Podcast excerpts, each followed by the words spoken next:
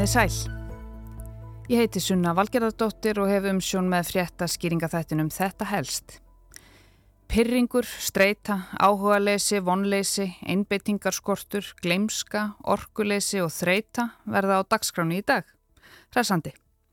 En allt eru þetta enkenni kulnunar í starfi eða burnouts.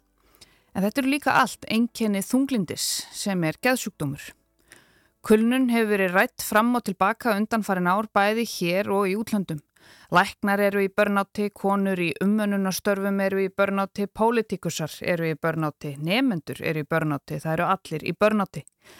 Aðsókn í starfsendurhæfingasjóðin virk, ekst ár frá ári og í fyrra útskrifiðust þaðan um 1850 manns en þeir voru um 850 fyrir tíu árum. En í vikunni kom fram annar vinkill á börnátt umræðuna. Er kulnuninn kannski mögulega hugsanlega í einhverjum tilveikum þunglindi? Svo virðist einmitt vera. Þunglindi er bara ekki alveg eins viðurkjent og kulnun þessa dagana. Kulnun er heilkenni sem er afleiðing langvarandi streitu á vinnustaf sem ekki hefur tekist á árangusríkan háttaðn á stjórná. Enkenni kulnunar eru þrýþætt, orkuleysi eða örmögnun, andlega fjárvenandi vinnu, neikvæð við horf eða tortrykni tengd vinnustaf, minni afköst í vinnu.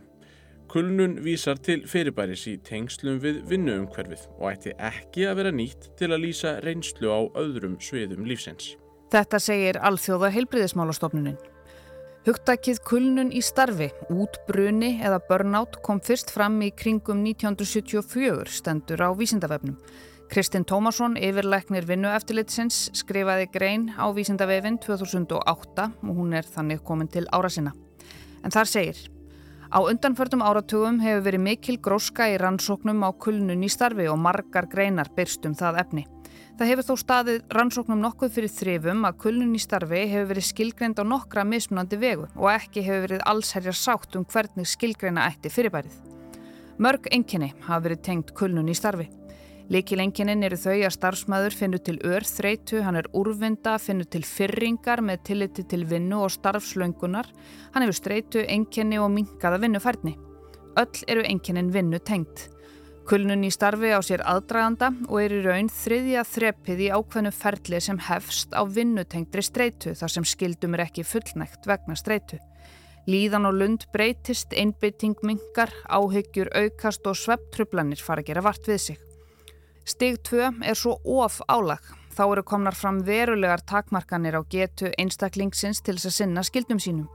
Tíminn frá því að vinnutengt streyta kemur fram og þar til að tala þeir um of álag er tiltöla stuttur eða innan við þrýr mánuðir og svo kemur kulnunin.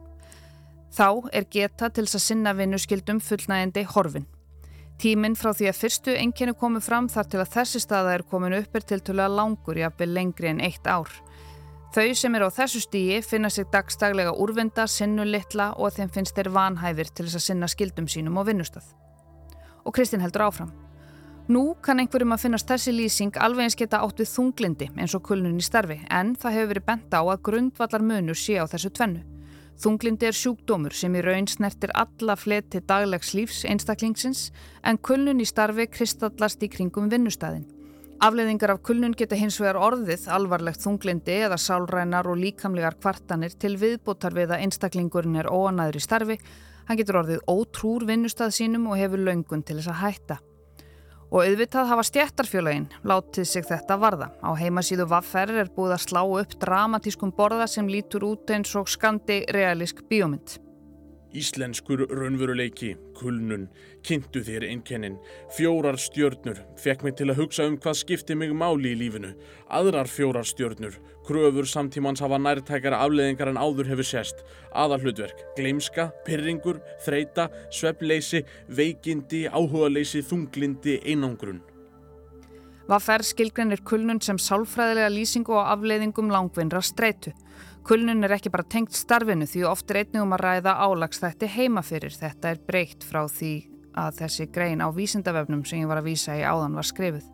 Helstu þættir kulnunar, segir Vaffer, eru þreita, pyrringur, spenna og skortur og slökun og oft fylgir líka gleði og áhuga-leysi fyrir starfi sem áður var talið ánægulegt. Erfiðleikar í samskiptum aukast og tilneying verður til einangrunar. Varðandi úrræðin þá útlistar vaffer nokkur atriði sem eins og með svo margt hefst á forvörnum.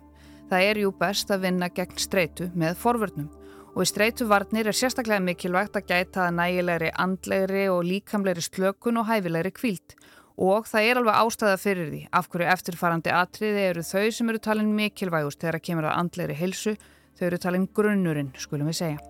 Mikilvægt er að reyfing sé regluleg þrísvar til fjórusunum í vikum Ekki er ráðlagt að hætta í ræktinni ef álag er mikið en skinsamlegt getur verið að draga úr þingdum og stitta æfingar. Lettari þjálfun eins og að ganga og sund henda oft mjög vel þegar álag er mikið.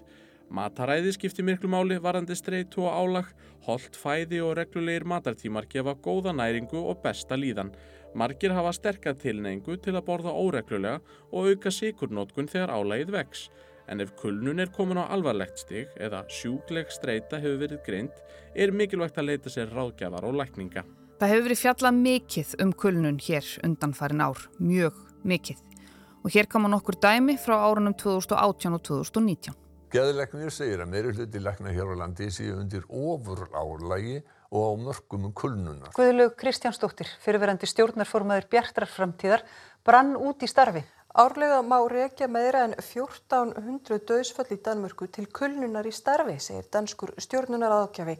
Átök í stjórnmólum, annir og einhverfa leiti til kulnunar. Það hefur náttúrulega verið talað mjög mikið um eh, kulnun núna í kannski 2-3 ár, eitthvað svo leiðis. Sjúkleg streyta og kulnun hefur verið mikið til umfjöllunar í íslensku atvinnulífi og heilbreyðskerfi. Stjórnendur þurfi að hætta að einblýna og að auka framleiðni og skapa þurfi örugt umhverfi fyrir starfsfólk til að greina frá áhegjum og vanlíða. Þetta er alþjóðlegt vandamál og hafa ímsir orsakavaldar verið nefndir of mikið álægi vinnu, persónlega áföll, vinnu aðstæður, lítið jafnvægi millir engalífs og vinnu, svo lengi mætti tellja. Um tveir þriðjur hluti lækna er undir ofur álægi og á mörgum þess að vera með kullunar enginni. Bara svona, maður er stutt í pyrringin hjá manni, maður er svona þólir áreiti, eh, minna og minna, eh, það verður minna úr vinnunni hjá manni, þú veist, maður gerir alltaf raunni sífælt minna og minna að þess að taka eftir, þið finnst eins og þú setja rosalega busy og vart að gera en einhvern veginn próduksjónin verður sífælt minni hjá manni. Var oft gengið á vegg en þarna bara,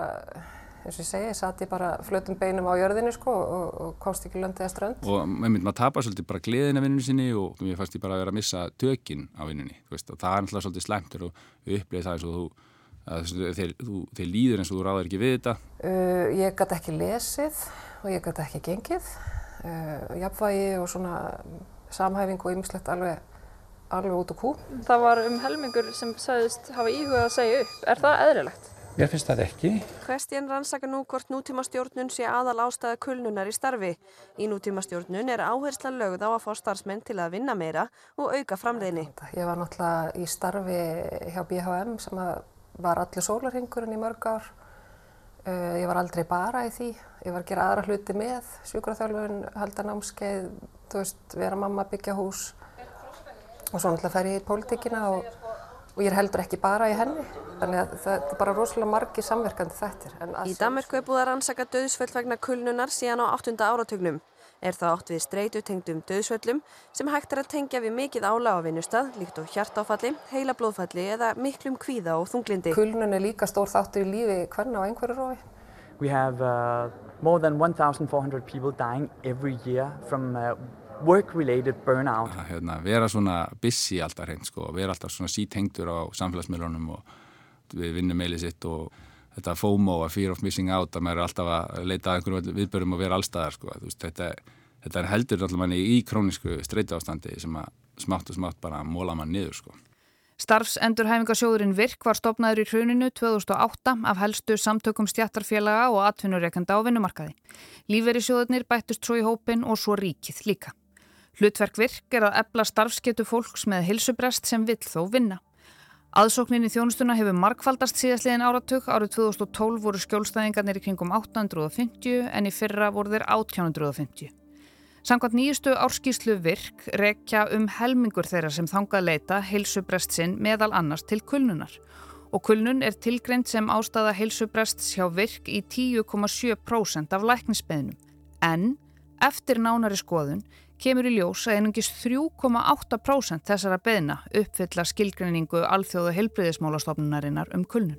orkuleysi eða örmögnun, andlega fjárvenandi vinnu, neikvæð viðhorf eða tortrykni tengd vinnustad, minni afköst í vinnu.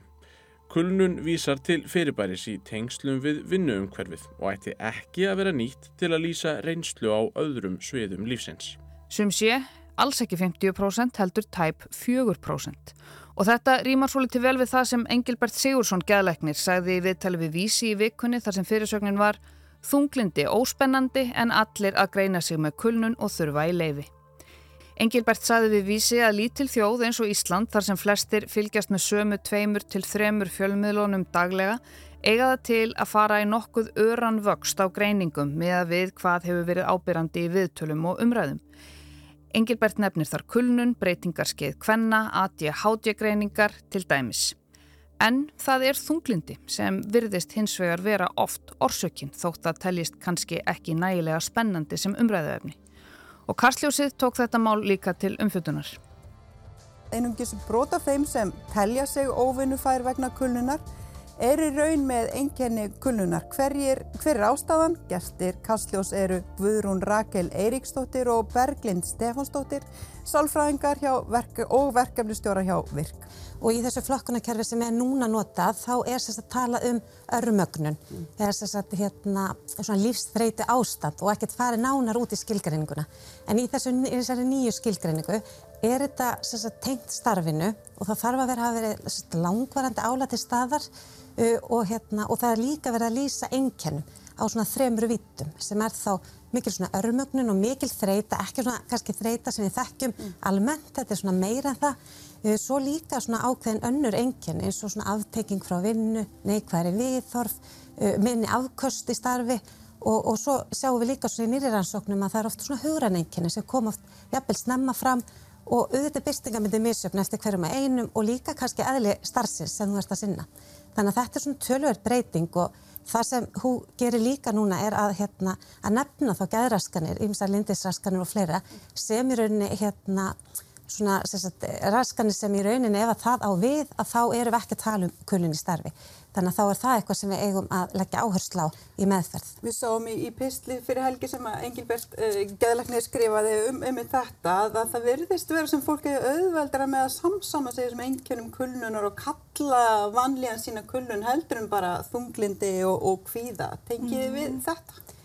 Já, mögulega. Mögulega er það eitt af, eitt af ástafanum og, og hérna og kannski bara, eins og ég segi, auðveldar að, að tengja almennar enginum sem veru hérna, tengkulunni en, en einmitt mjög mikilvægt ef það er þunglindi eins og hann kom inn á í sínum, sínum pysli að, að það sé akkurat uh, á, hérna, áherslan og, og við séum að beita þá gaggræntum meðfyrum við því. Erum við þá kannski að sjá ennþá fordóma í samfélaginu gagvart þunglindi, mm. gagvart hvíða en við erum komin lengra í umræðinum um kullunum og fólk svona þorir frekar að viðkjanna það að, að sé með kulnun þó það er eins síðan ekki verið með það. Heldur en, heldur en hvíða þunglindi? Þetta er alveg mjög góð spurning og, og jafnvel á stundum bæði við. Mm. það getur verið að fólk sé að glýma við gæðröskun en er líka að, hérna, í rauninni bara sagt, að upplega mikið ála í vinnu þetta getur átt bæði við, þetta er ekki einfalt og við erum kannski líka að sjá, svona, benda á það í rauninni hérna, með okkar í okkar verkefni að hérna, þetta er oft bara mjög flókin mynd og, og flókin vandi hérna, hjá einstaklingum og þau þurfa að rétta, rétta aðstofuna að halda uh, og kannski líka hérna, geta þess að við erum akkurat með þennan hóp sem er óvinnufær, mm. við erum ekki að tala um í rauninni algengi á vinnumarkaði eða slíkt, bara svo það sé sagt að hérna, það er ekki allir sem leita í starfsendurhauðingu en við erum svona að sjá fólk oft með svolítið bara alvarlega vanda mm. og, hérna, og það er náttúrulega bara mjög, hérna, getur verið alvarlegt mála að missa vinnu sinna og helsu. Þetta voru þær Berglind Stefánsdóttir og Guðrún Rakel Eiríksdóttir hjá Virk í viðtali við Sigriði Dögg Öðunsdóttir í Karsljósi í vikunni. En það ber að taka fram að þó að fólk virðist gerðnan vilja grípa heldur léttilega í kulnunargreininguna á þess að forsenda sér fyrir henni, þá er kulnun versulega raunverulegt vandamál í samfélaginu og víðar í heiminum. Það ber bara að kalla hlutina sína réttu nöfnum bæði fyrir kerfið og ekki síst fólkið sem þarf að ná bata. Ég heiti Suna Valgerðardóttir og kulnun bæði með og án gæsalappa var helst hjá mér í dag. Takk fyrir að leggja við hlustir.